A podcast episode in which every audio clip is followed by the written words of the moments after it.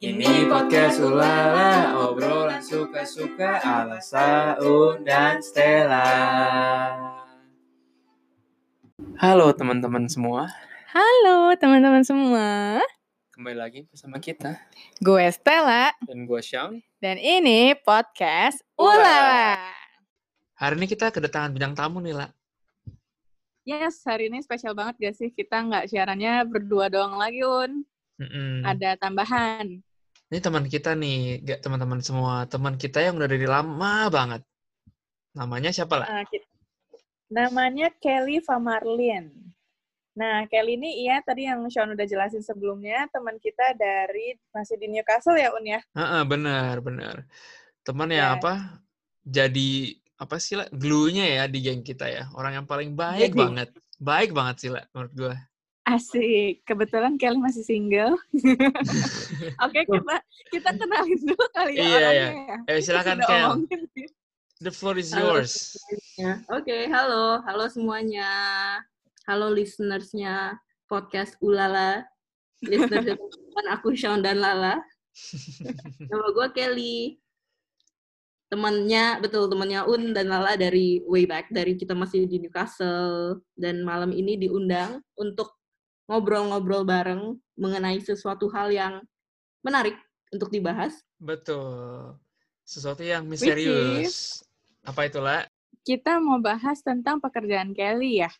Yang menurut Mm-mm. gue dan Sean ini cukup menarik untuk di untuk didiskusikan Dikupas lebih ya. lanjut. Mm, Mm-mm, di episode kita kali ini Jobs in the New Era. mm-mm. Kenapa nih lah kita ngomong ini? Karena menurut gua kita banyak udah berubah banget ya zaman sekarang dibanding zaman orang tu- orang tua kita dulu. Nah, pekerjaan pekerjaan yang kayak unik-unik ini ya mungkin banyak juga teman-teman yang nggak tahu gitu. Misalnya kalian tuh udah punya pikiran sempit tentang oh kerjaan tuh cuman jadi lawyer, cuman jadi marketer, cuman jadi teknik. Tapi sebenarnya banyak banget loh hal-hal lain yang kalian bisa explore. Nah. Apalagi di era ini ya, Un ya, era Bener banget, bener banyak banget. Kerjaan yang kayak tadinya oh ada ya kerjaan seperti Mm-mm. itu. Contohnya kayak kerjaan gue yang digital marketer yang sosial media kayak orang pikirnya oh cuman buat konten dan naikin. Ternyata enggak loh, mikirin konsep, dealing sama KOL. KOL tuh influencer by the way buat yang enggak eh, apa familiar Belum dengan tahu namanya. ya. Mm-mm. Mm-mm, jadi kayak banyak banget yang detail-detailnya gitu ya. Iya, dan kalau gue pribadi, maksudnya gue kan emang teknik sipil ya, sesuatu yang udah ada dari zaman bahala. Tapi bedanya Mm-mm. apa? Kita tuh udah semua tuh udah benar apa dengan komputerisasi istilahnya. Jadi semua itu harus lewat komputer, harus pakai apa software di komputer dan juga gue pun sekarang diminta untuk belajar coding biar gue bisa Mm-mm. apa ya adapt sama the new era and the new system gitu.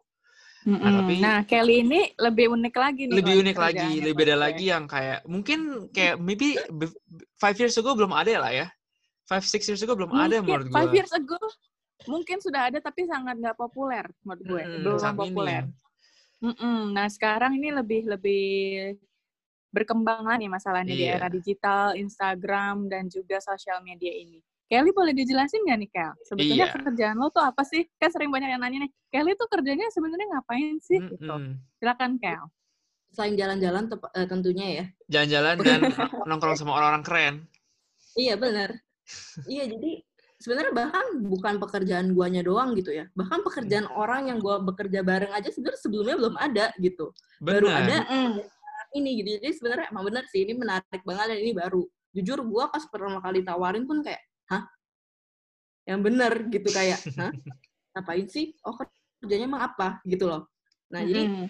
ya sebenarnya ya kalau boleh cerita gua sekarang kerja jadi business manager dari eh, influencer. Ya mau influencer lah content creator lah youtuber lah apa pun lah you name it ya pokoknya adalah tentang seseorang untuk Mm-mm. yang gua gua kerja untuk eh, dia ngebantuin sebagai business manager gitu. Wow, kayak gua bilang dulu content creator aja emang itu pekerjaan? Emang lu youtuber Betul. pekerjaan that's itu true. hobi right? Tapi sekarang kan itu menghasilkan gitu loh. Dan makanya kenapa? Dan bukan cuma secara hmm, ini aja sih maksudnya bukan secara mungkin terkenalnya doang tapi mereka juga emang benar-benar perlu seseorang yang benar-benar ngebantu mereka makanya kenapa mereka butuh business business manager di sini Mm-mm. gitu jadi kayak bisa bilang oh ternyata pekerjaan ini serius juga gitu Nah, sebenarnya kerjaannya itu kalau bisnis manager ngapain nih, Kak? Karena kan kalau orang biasanya ya, kepikirannya kayak, oke, okay, kalau misalnya influencer atau content creator, uh, apakah personal asistennya? Kayak cakupan kerja lo tuh sebenarnya hmm. apa aja sih gitu dan Admin tanggung jawab lo tuh sampai mana? Iya. Hmm. Betul betul. Uh, ya sebenarnya ini sebenarnya balik lagi sih ke setiap kreatornya itu karena bisa beda-beda banget kan. Oke. Okay. kalau kerjaan lu apa gue sih kayak uh, manajer artis gitu. Sebenarnya ya Asik.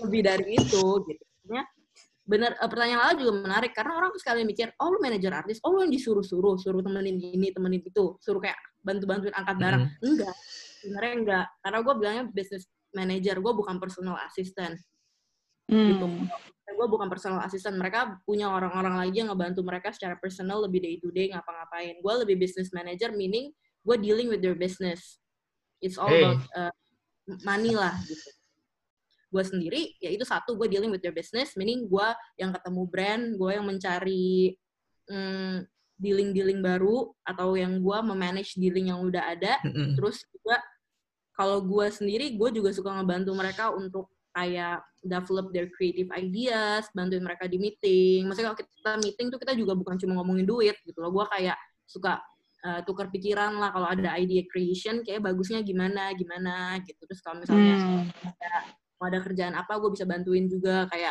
ntar PPT lah atau apa kita bikirin bikirin bareng-bareng sih gitu jadi kalau gue Berarti... gue juga bisa dibilang kayak gue bantuin branding gitu juga sih in some way gitu.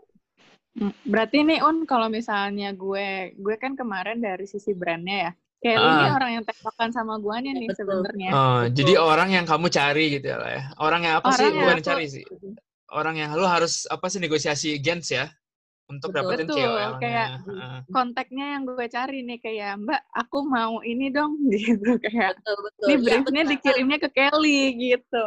Uh, tapi unik juga ya karena menurut gue biasanya um, kayak lu semacam agennya gitu ya kayak kayak benar-benar orang yang business wise ya you are the first line of defense gitu ya. Betul, betul banget. Jadi gue ya sebenarnya perwakilan mereka sih. Lu kalau mau ada hmm. apa-apa, lu minta kontak mereka. Sebenarnya lu artis, lu nggak mungkin dong kasih nomor HP lu ke semua orang gitu loh. Hmm. Ya udah lu kasih nomornya ke, ke biasanya sih ke gue. Apalagi kalau yang bisnis ya, maksudnya yang berhubungan yang lebih sesuatu yang penting gitu ya pasti ke gue gitu loh. Dan gue yang akan nanti uh, sampaikan ke mereka. Sebenarnya bisa dibilang gue kayak sebagai orang penengah gitu. Tapi at the same time kalau gue pikir it's not just kayak gue um, akan merelay message itu kayak gitu. Tapi kan hmm. lu sebagai as a business terus kayak kreatif gitu-gitu kan emang banyak pasti banyak perbedaan kan dari cara pikir, hmm. cara membaca brief dan yang lain-lain gitu loh. Jadi itu tugas seorang manajer juga sebenarnya untuk memfilter dan hmm. kayak jadi mencari jalan tengah juga gitu loh kayak brand maunya apa tapi artis gue juga maunya apa gitu gue kayak ngejagain gitu tugas gue sih kayak menjaga kedua pihak yeah. gitu sih di tengah-tengah gitu. Kayak kompromis gitu ya cari. Iya, betul, yeah, mencapai tengahnya lah gitu. Karena karena banyak orang kayak oh cuma jadi admin balas chat doang kayak kamu endorse berapa terus kayak oh ya, ya enggak enggak segampang itu gitu iya. sebenarnya.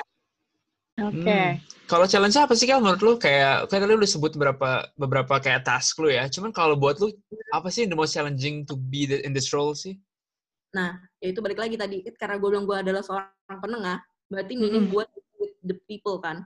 Iya. Orang challenge-nya ya orang sih orang kan susah beda-beda ya. Iya. Dan orang tuh punya kan beda-beda. Apalagi brand-brand pasti maunya brandnya begini. Tapi kadang kita dari kreatif juga. Tapi kayaknya lebih bagus kalau kayak gini deh gitu. Karena kita tahu nih audiens kita maunya dengar apa gitu loh. Mm-hmm. Nah itu untuk mencari jalan tengahnya sampai kedua pihak tuh seneng gitu dan akhirnya deal itu gimana itu emang susah dan selain itu juga pasti adalah namanya um, ya human pasti ada hari-hari di mana lu lagi sangat happy, ada juga di saat lu lagi sangat down gitu. Tapi kan mm. ini pekerjaan lu gitu loh. Orang kan cuma yeah. tahu maksudnya ya lu sebagai apalagi lu sebagai artis gitu. Orang pasti maunya lihat lu selalu happy-nya doang. Sedangkan mereka kan juga pasti banyak lah hari-hari mereka sebenarnya nggak mau menjadi harus terus happy mm -hmm. gitu loh.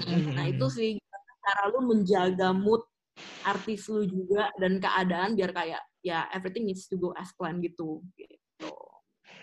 Berarti nih kalau misalnya jadi business manager tuh gue lihat memang orangnya harus bisa mengayomi ya. kayak nggak mm -hmm. bisa yang selfish karena ya. lu taking care of betul, others betul, ya nggak sih? iya. Harus paling sabar ya di antara semuanya ya pasti ya. Betul iya. Karena ya begitu lu kayak beda banyak sih. Maksudnya day to day-nya pasti banyak banget challenge-nya sebenarnya beda-beda gitu. Dari yang back sampai yang cuma kayak perintilan tapi yang kayak oh kok kayak gini doang? Bisa bikin uh, satu sisi nggak enak gitu loh. Ada kan namanya hal-hal kecil iya. production banyak uh, apa involve banyak orang gitu loh. Jadi ya bener sih harus sangat sabar. Dan kalau gue pribadi lebih ke kayak ya udah lebih ke bukan bodoh amat sih cuma berusaha untuk ya udah ini pekerjaan kayak harus mikir secara kepala dingin gitu loh nggak boleh diambil hati gitu. Karena kalau lu udah once lu udah kayak mulai duh kok gini ya kayak stres sendiri ya udahlah capek sendiri gitu mm -hmm. hmm. Emang Kelly hatinya dari dulu paling sabar sih ya Un ya? Iya beda sama kamu sih Kamu bacok, yeah. senggol bacok sih anjir. Oke. Okay. Terus yang gue penasaran lagi ya, tadi kan lo bener-bener lo kayak ngurusin production iya, mm. iya. Sebenarnya kan kalau misalnya kayak gue atau Sean, kita kan orang kantoran. Jadi kita tuh jelas banget tuh kayak masuk kapan, keluarnya hmm. Kapan, jam-jamnya, liburnya kapan udah tahu. Hmm. Mm Kalau lu tuh gimana daily rutinnya di pekerjaan ini gitu? Kalau gue sendiri sebenarnya kayak kita nggak ada kantor fix gitu. Jadi gue nggak ada kewajiban untuk ke kantor setiap hari tapi gue gue memang ketika work from home sebenarnya jadi sebenarnya masa-masa ini kayak oh ya udah biasa gitu cuma enggak sih kalau sehari-hari kalau memang lagi nggak ada event atau lagi nggak ada meeting atau nggak ada um, kayak seminar atau apa pun ya gue di rumah gitu. Tapi ya di rumah bukannya nggak kerja sih. Di rumah juga tetap kayak balesin email atau ngurusin segala macam gitu kan banyak kan. Ada ada admin staff lah yang harus diurusin setiap harinya. Kayak um, ntar ngurusin kontrak lah, invoice lah, atau apa-apa itu juga kan semua gue yang ngurusin gitu. Tapi hmm. once lagi ada event atau lagi ada um, seminar atau ada overseas schedule gitu ya, itu berarti gue bisa sekalinya gue keluar dari rumah ya bisa benar-benar kayak seharian gitu loh gitu dan kayak emang gak ada waktu kerjanya. Gue sering banget, apalagi lo maksudnya um, di industri kayak gini, weekend itu kan hari di mana semua orang ya akan melakukan event dan yang lain-lain kan. Jadi sering mm. banget ya gue event kerja gitu loh. Ya, di sorry di weekend gue kerja mm. gitu. Tapi saja Senin sampai Jumatnya gue di rumah doang. Yang kesannya kayak nggak ngapa-ngapain. Gitu. Iya yeah, benar-benar. Ya, ada aja yang diurusin gitu sih. Tapi memang benar pasti nggak sehektik kalian 9 sampai 5 di kantor setiap hari gitu. Hmm. Jadi tadi uh, kalau misalnya itu bisa dikonsider enaknya juga nggak tuh? Kayak enaknya kerja kayak gini tuh apa sih? Betul. Gue bisa ngatur waktu gue sendiri gitu loh. Gue kayak hari ini mau ngapain segala macam hmm. gitu kan. Dan enaknya juga sebagai manajer kan gue ngatur schedule ya.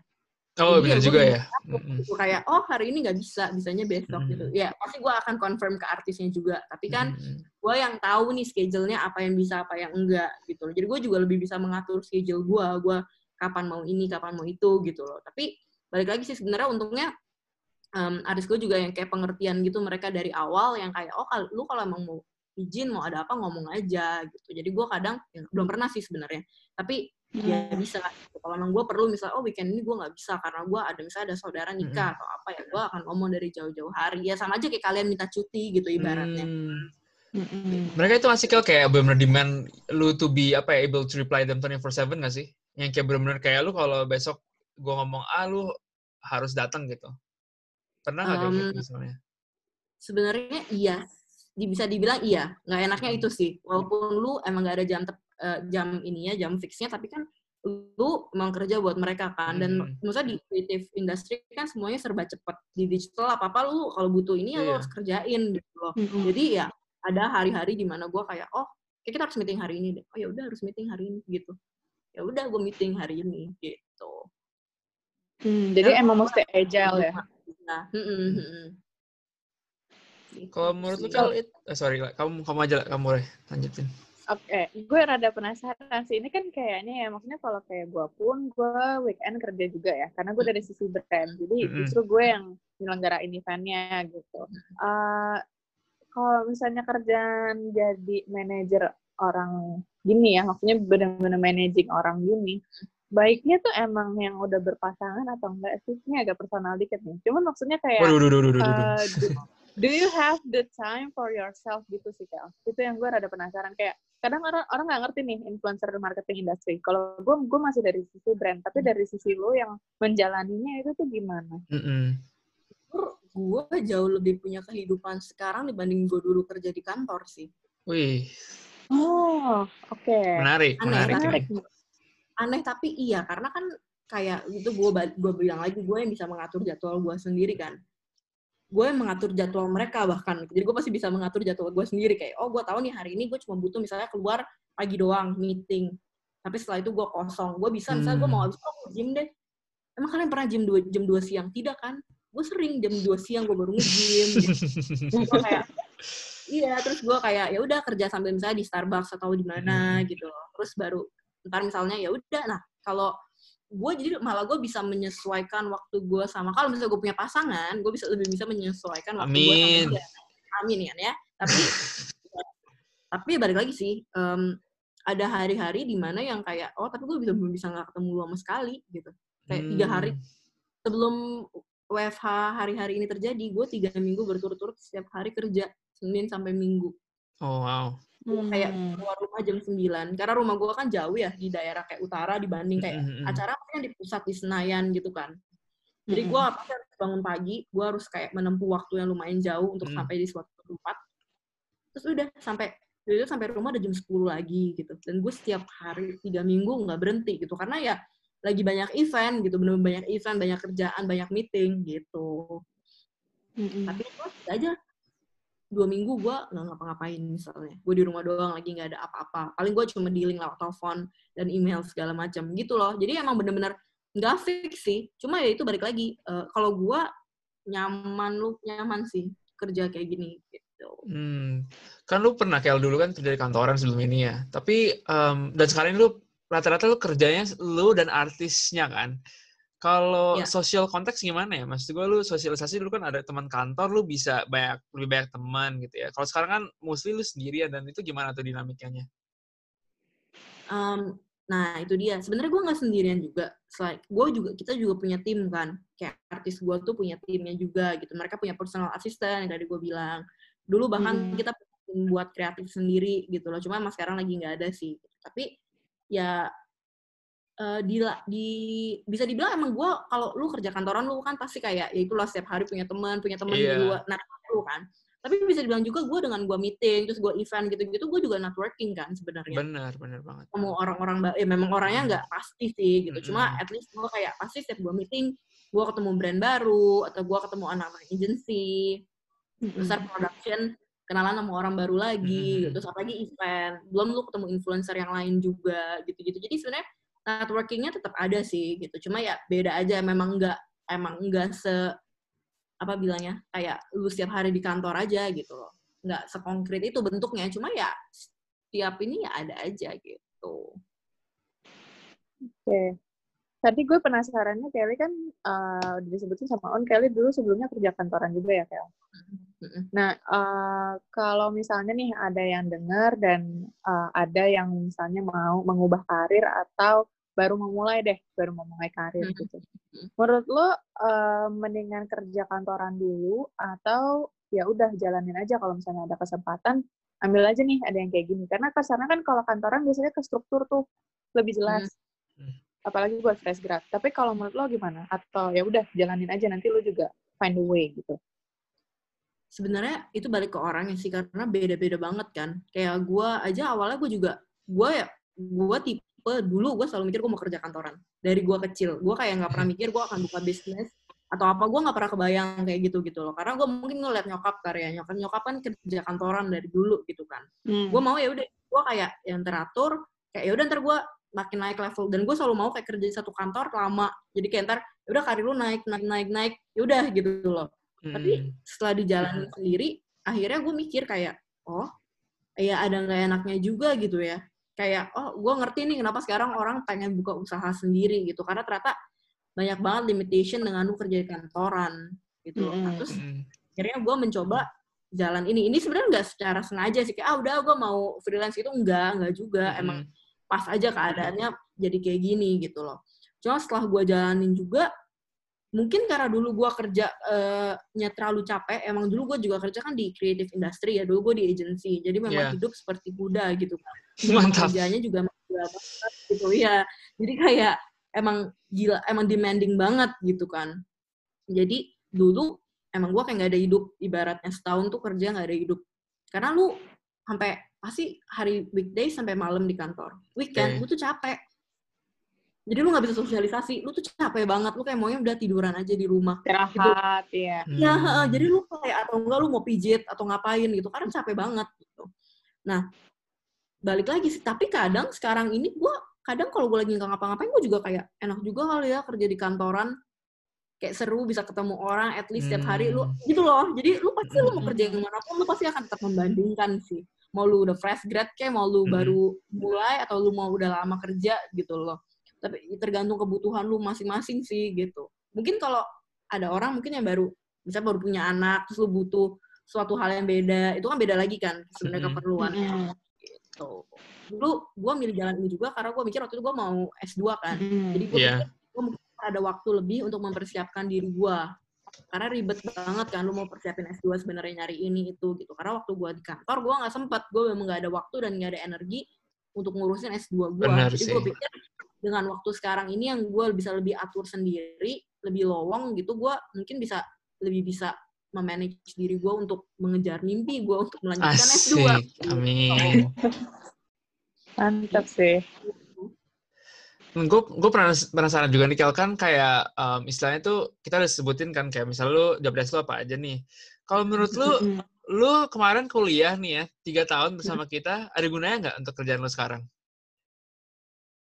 Guna guna sih guna banget sih gue selalu bilang ya sama orang-orang kayak gue kayaknya gue mau kerja apa pun kayak kuliah gue tiga tahun tuh berguna banget sih karena kita belajar social studies kan sebenarnya base-nya dari social studies dan gue juga ambil hmm. psychology jadi yang base-nya tuh ya kehidupan sehari-hari lu issues yang lu hadapi dan karena gue belajar psychology gue juga jadi lebih ngerti orang cara pikir okay. orang dan segala macam gitu loh yang ditanemin dari yang tiga tahun gue pelajarin itu maksudnya bukan cuma pelajarannya doang itu pasti hmm.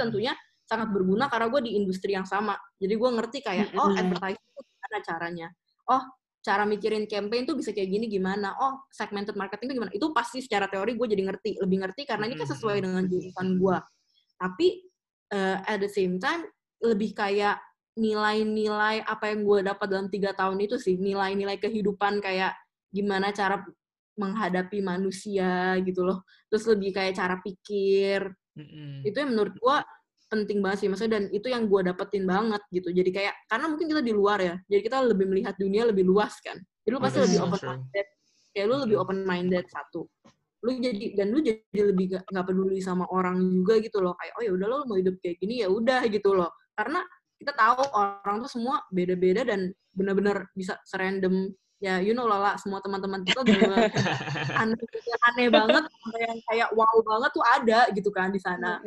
Terus um, itu juga sih kayak critical thinking and creative thinking itu yang bener-bener diasah banget gitu loh selama gue tiga tahun kerja. Mungkin karena gue kita belajarnya kayak isu-isu yang sangat-sangat penting dan berat, itu bikin kita jadi hmm. bisa mikir kayak oh iya ya gitu kayak oh nggak semuanya ternyata gini ya oh kayak gitu sih itu sih hmm. sebenarnya yang menurut gue jadi iya sih ya udah tiga tahun tuh berguna lah gue di UK gitu.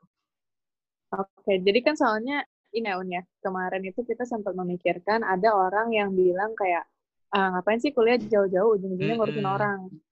Kayak bener, yang kasarnya tuh kayak ngapain sih jauh-jauh ujung-ujungnya ngurusin orang juga gitu. Padahal kan sebenarnya setelah kita mendengar dari Kelly kita bahkan tadi agak stun ya, ah, yeah. juga ya. Dan bahkan challenging juga. Kelly. Iya, mm -hmm. bahkan gue sekolah sama Kelly waktu itu dan kita sama belajarnya itu marketing yang kayak basic-basicnya ya benar-benar iya. basic-basic banget. Iya dan, dan memang berguna banget sih. Iya dan gue kan kayak beda banget belajar sama kalian dan apa yang gue lihat kalian belajar tuh ya benar isu-isu yang tabu dan aneh benar kayak gen gender body positivity. Dan menurut gue kalau gue diterjunin posisi Kelly ya gue buta lah gitu. Gue nggak ngerti how apa ya, gimana cara gue ngebagi market gue gimana cara gue critical thinking apa dalam isu-isu sosial apa sosiologi gitu ya jadi mm-hmm. uh, menurut gue ya beda banget sih dan untung juga sih kalian ya benar-benar pas banget gitu. dengan teori hmm. gitu. Ya, ya betul. Saya emang gue personally suka banget kan sama kayak advertising, branding gitu loh. Makanya kenapa gue ada first place juga ngambil kerjaan ini gitu. Kayak gue waktu itu udah kerja di advertising, gue udah membranding barang, gue udah tahu yeah. nih iya. caranya oh bikin campaign tuh kayak gini, oh production tuh kayak gini. Gue udah tahu nih sebenarnya kayak sempat penasaran gimana ya kalau gue branding orang gitu gue pengen banget loh kayak bantu seseorang karena itu kan sesuatu pekerjaan yang kayak beda ya misalnya lu bisa ngebantu seseorang untuk menjadi reach their maximum potential gitu loh. Iya, dengan sih. Kan. Makanya kenapa dari pas dari awal kerja pun gue ngomong sama mereka, lu butuh business manager, lu butuhnya apa? What are you looking for in a business manager? Hmm. Apa kalian cuma butuh orang yang ngurusin admin kalian? Yang ngebalesin hmm. chat kalian. Kalau lu cuma butuh kayak gitu, gue bilang gue nggak mau. Misalnya siapa orang, siapa pun juga, siapa pun juga bisa kan ngerjain bener, kayak bener gitu. Banget gue tuh beneran genuinely mau ngebantu kalian gue bilang gitu gue bener mau tahu kayak dari secara kreatif tuh kalian butuh bantuan apa secara branding tuh kalian bisa dibawa ke mana itu gue mau kok ngomong-ngomongin kayak gini karena gue emang suka gue bilang hmm. gitu oh ya udah gitu dan orang-orang ini juga emang punya visi dan misi dan apa ya emang pinter gitu makanya gue juga tahu uh. nih gue dengan mereka gue pasti bisa berkembang dan belajar juga gitu hmm. emang harus cocok ya sama influencernya juga ya betul ini betul itu penting hmm. banget sih itu penting banget sih karena yeah. lu ya lu ngurusin mereka gitu kalau lu aja nggak pede sama barang jualan lu ya gimana lu mau jualan gitu nggak sih sebenarnya Iya, itu that's a very very good point sih. Kadang kayak misalnya lu banyak banget opportunity misalnya kerja sama influencer, cuman kadang ya mungkin apa yang mereka konten mereka sebarin ya nggak sesuai sama apa visi lu. Betul. Betul. Udah pasti lu nggak nyaman untuk jualan itu kan. Memang, memang makanya. Makanya gue dari awal bilang gue mau ketemu dulu, gue mau ngobrol gitu, gue mau lihat gue cocok nggak sama orangnya hmm. gitu. Dan ternyata sangat cocok gitu. Dan gue benar-benar appreciate mereka dan kayak gue tahu nih oh nih orang benar-benar oke okay banget mereka benar-benar pintar hmm. mereka benar-benar punya uh, punya creative thinking mau jadi yang beda dan segala macam iya. gitu makanya gue kayak ya udah yuk gitu kalau gue kan gue berasa banyak banget belajar dari kayak senior gue ataupun bos gue gitu ya. Gue berasa di develop gitu. Kalau lu dapat nggak sih development itu di kerjaan ini? Dari eh, mungkin dari influencer lu atau dari kayak orang-orang yang lu kerja bareng gitu? When you network.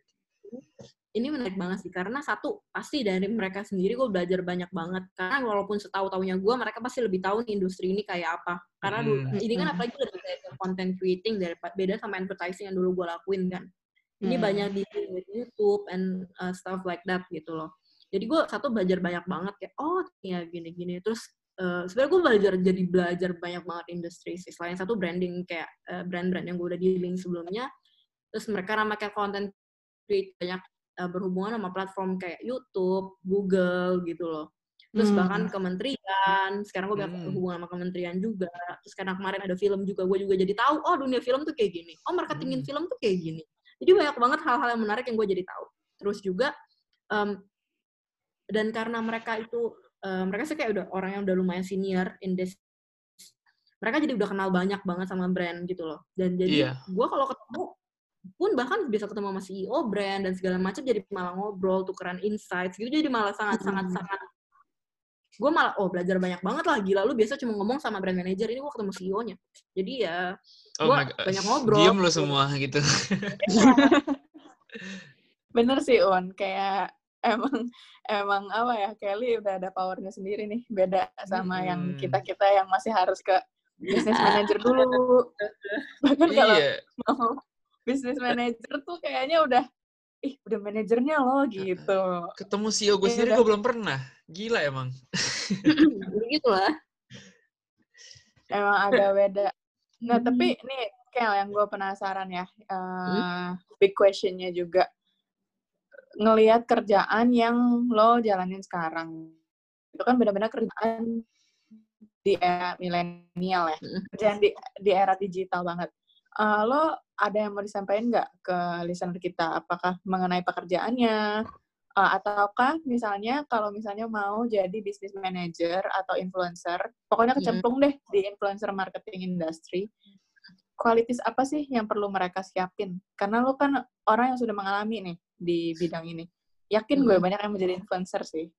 Nah itu oh, gimana? Gua Um, sebenarnya ini sih menurut gue, lu um, untuk menjadi seorang influencer ya atau apa pun yang kalian sebut namanya itu ya, maksudnya emang harus hmm. start real to be real gitu loh. Maksudnya emang lu harus punya keinginan untuk bener-bener pengen menginfluence orang atau hmm. men-share sesuatu yang emang bener-bener what you truly believe in atau who you are gitu. Maksudnya lu nggak Mm-mm. boleh kecemplung karena wah mau duit nih gila sekarang jadi youtuber adsense-nya kenceng banget gitu. Lu Hmm. once lu start kayak gitu itu udah pasti udahlah gitu kayak Hmm. end game menurut gua. Oke. Karena oke. apa yang lu lakuin jadi semua tentang duit kan. Maksudnya ini memang betul, ini menghasilkan besar sekali. Gitu loh, ini industri yang sangat-sangat besar. Semua orang pasti mau lah jadi influencer. Mhm. Gila siapa? Pasti orang kan bilangnya enak banget, apa-apa di endorse, makan di endorse, baju di endorse, keluar duit buat apa lagi? Ha, gitu kan. Ya segampang itu juga guys, gitu loh. Kalian tuh kayak gak bisa ngegampangin gitu sih, karena sebenarnya I know what they they have been doing gitu. Itu gak segampang Mhm. itu sama sekali gua yang ngikutin mereka seharian aja. Gua nggak melakukan apa yang mereka lakukan loh. Misalnya mereka lagi seminar, gua nggak ikut loh seminar. Gue cuma duduk di samping, nungguin aja. Gue tuh capek banget. Capek banget. Apalagi mereka yang benar-benar harus ngejalanin itu gitu. Hmm. Dan itu ya, tapi balik lagi ya, ini tipe influencer apa yang kalian mau ya. Kalau kalian endorse peninggi pelangsing doang di Instagram, mah ya udah nggak perlu kualitas-kualitas kayak gini gitu. Iya, iya. want to be like a real content creator kalau lu bener-bener mau karena gue melihat dari apa yang udah gue tanganin gitu kan Oke. There- there's a lot of hard works behind what they've been Mhm. edit behind this all gitu maksudnya lu um, endorse gitu itu tuh nggak segampang itu juga gitu kalau kayak apalagi kalau yang kayak gue lakuin gitu Mhm. kan gue benar-benar harus curate brandnya apakah cocok Iya. sama brand image um, influencer gue gitu loh maksudnya if you take this to the series level ini sebenarnya akan bisa benar menjadi sebuah bisnis yang besar gitu asal ya itu Mhm. lu emang tulus gitu loh. Dari awalnya emang emang buat sesuatu for the good lah gitu. Bukan ya untuk cuma uang gitu sih. Menurut gue Hmm. gitu sih. Karena pasti banyak banget lah orang jadi influencer cuma buat duit doang. Gitu. Mm-mm. Dan ini tuh industri yang sangat-sangat tidak mudah. Mungkin kelihatannya hahaha ya Iya. event party lalalala enggak sebenarnya enggak juga gitu. Namanya lu dealing with people kan di sini. Dan orang kan semua beda-beda gitu kan Mhm. ya itu kan ada- ya itu bisa pasti banyak juga dramanya dan kayak gitu gitulah Kalau Mhm. untuk jadi lu, Kel, untuk role lu, menurut lu apa sih yang penting banget, yang esensial yang lu harus punya to be a business manager for a kawan content creator and influencer? tuh satu tadi menurut gua lu harus percaya sama apa yang lu jual sih gitu kan Hmm, karena oke. kalau lu nggak percaya lu gimana mau jualan satu jadi lu harus kayak Oh. punya satu visi punya satu misi atau at least lu bisa lu memang percaya nih oh nih orang ini emang kayak gini gini gini gini loh. Jadi lu pas lu menjual ke brand pun juga brand pasti akan yakin lah sama lu gitu. oh bener nih gini. Dan jadi manajer itu tuh bener-bener lu tuh sebenarnya representatif mereka. Lu tuh juga bukan cuma kayak ngebalesin chat enggak.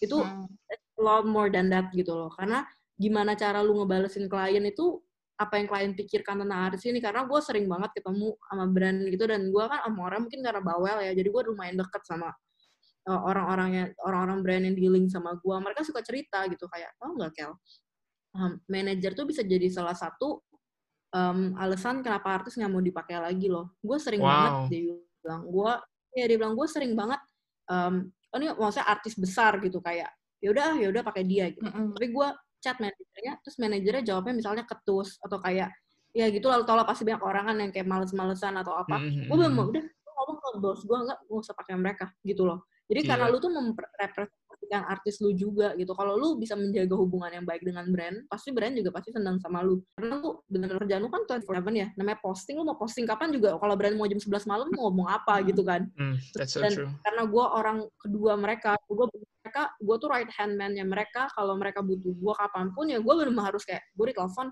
ya udah lu angkat gitu. Karena lu kerjaan lu nggak ada waktunya gitu. Jadi lu emang harus tahu. Misalnya sadar sih dari awal jangan ntar tiba-tiba di tengah-tengah kenapa sih gue hidup gue kayak gini banget ya? Kayak gitu. Terus lu ya awal tahu konsekuensinya. Ya, this is not a, this is not an easy industry gitu loh. Jadi ya lu Hmm. harus cepat awal harus cepat dan gesit dan ya itu sih harus mengerti mengerti benar-benar bisa menjadi penengah yang mengerti banyak orang. Oke. Wah, Iya sih, gila. gue dari sisi brandnya merasa membenarkan Iya apa kan? yang Kelly bilang, Sean. Karena gue dari sisi yang kita kliennya Hmm. kan. That's true. Kalau misalnya manajernya nggak responsif, itunya lama, sorry banget, kita akan alihkan ke betul KOL kayak lain karena lu gak usah Karena kita butuh Iya. segera. hmm. Ya, terus kalau misalnya kamu udah kontraknya, dealnya oke gitu, ternyata pas pelaksanaan, aduh dia nggak bagus nih, dia nggak on time, pasti kena evaluasi. Jadi memang Mm-mm. emang kerjaan ini tuh kesannya bener sih kayak karena gue di sosial media juga kesannya glamor dan happy happy apa sih sosmed kan konten-konten doang. Mm-hmm. tapi it's a very stressful job sebenarnya yeah. kecemplung di yeah. listening to both of you talking kayak it's a very tough sih. Menurut gue dan stressful karena everything goes very fast. Kalau gue project gue tuh ada enam bulan untuk kayak finish project. Kalau kalian tuh kayak daily basis tuh ada lima yang you have to run in once gitu loh. Just crazy. Yeah. yes. Bahkan kalau ada tren bisa langsung naik Mm-mm. betul betul. Karena lu kan benar harus cepet kan? Kalau yang lain udah posting ini masa lu sebagai brand nggak mau ikutan posting ini? Atau lu masa iya. nggak mau ikut challenge ini? Mm-hmm. nah itu balik kan balik lagi sih. Kalau lu emang emang maksudnya punya that kayak lu punya something yang orang udah pegang gitu ya ya harusnya sih ya lu akan bertahan gitu loh keep you afloat gitu dibanding lu harus terus-terusan ikut tren atau challenge yang kayak gitu gitulah Mm-hmm. Gila ini insightful banget sih kalau thank you banget ya buat info ini. Kayak gue uh, bener satu kayak kita pengen listeners kita buat apa ya terinspirasi juga. Cuman buat gue pribadi sama Stella juga ini knowledgeable banget buat kita juga ya lah ya. Lebih ngerti ya Unya dari sisinya dari sisi influencer industri yang content creatornya sih. Karena kita kan biasa melihatnya ya jauh gitu kayak kayak ah, kayaknya enak nih jadi influencer gitu. Tapi hmm. there's a lot of hard work. Um, ada yang um, kamu penasaran juga? Enggak sih kalau buat gue sih mungkin udah dari situ aja. Cuman gue pengen tekan lagi buat teman-teman pendengar kita semua bahwa um, kerjaan tuh nggak cuman apa ya nggak cuman pekerjaan-pekerjaan yang udah ada di zaman dulu. Kayak there's there will always be new jobs there will always be new things coming up gitu di, di dunia kita sekarang jadi jangan apa ya, jangan dengerin orang kayak lu ngapain kerjaan itu, itu mah nggak akan ngasilin duit. That's Betul. apa ya, itu menurut gue yang orang selalu bilang zaman dulu dan eventually they're wrong. Gitu loh menurut gue. Mm -hmm. Jadi jangan jangan apa ya, jangan jangan takut untuk mencoba hal baru dan jangan apa ya, jangan takut untuk beradaptasi. Itu sih karena menurut gue you have to adapt to survive in this world. Jadi memang teman-teman harus banyak ekspor juga sih termasuk kita ya Un ya. Kita juga yeah. harus tetap expand hal baru. Hmm. Oke. Okay. Dari aku itu kan mau, mau lagi? Enggak, itu aja buat aku. Kayak I think that's all from us ya lah ya. Ya, yeah, I think that's all from us. Thank you banget Kelly udah uh, memberikan udah waktunya iya. untuk kita tanya-tanya dan hmm. share pengalaman yang bagus banget sih menurut gue. Membuka hmm. jalan pikiran oh, banget. Semoga jadi kayak buat udah tidak perlu menjelaskan lagi kalau ada yang nanya, oh, oh kalian kerja ngapain gitu Kayak tunjukin aja podcast ini iya, kan. dengerin aja podcast Lala. Kasih anakku kayak, udah dengerin aja gitu, ikan. Iya Mantap. Thank you banget. Oke. Okay. Oke. Okay. Kita wrap aja ya. Oke, okay. thank you everyone for listening and see you in the next episode. Bye bye. Thank you everyone. Bye.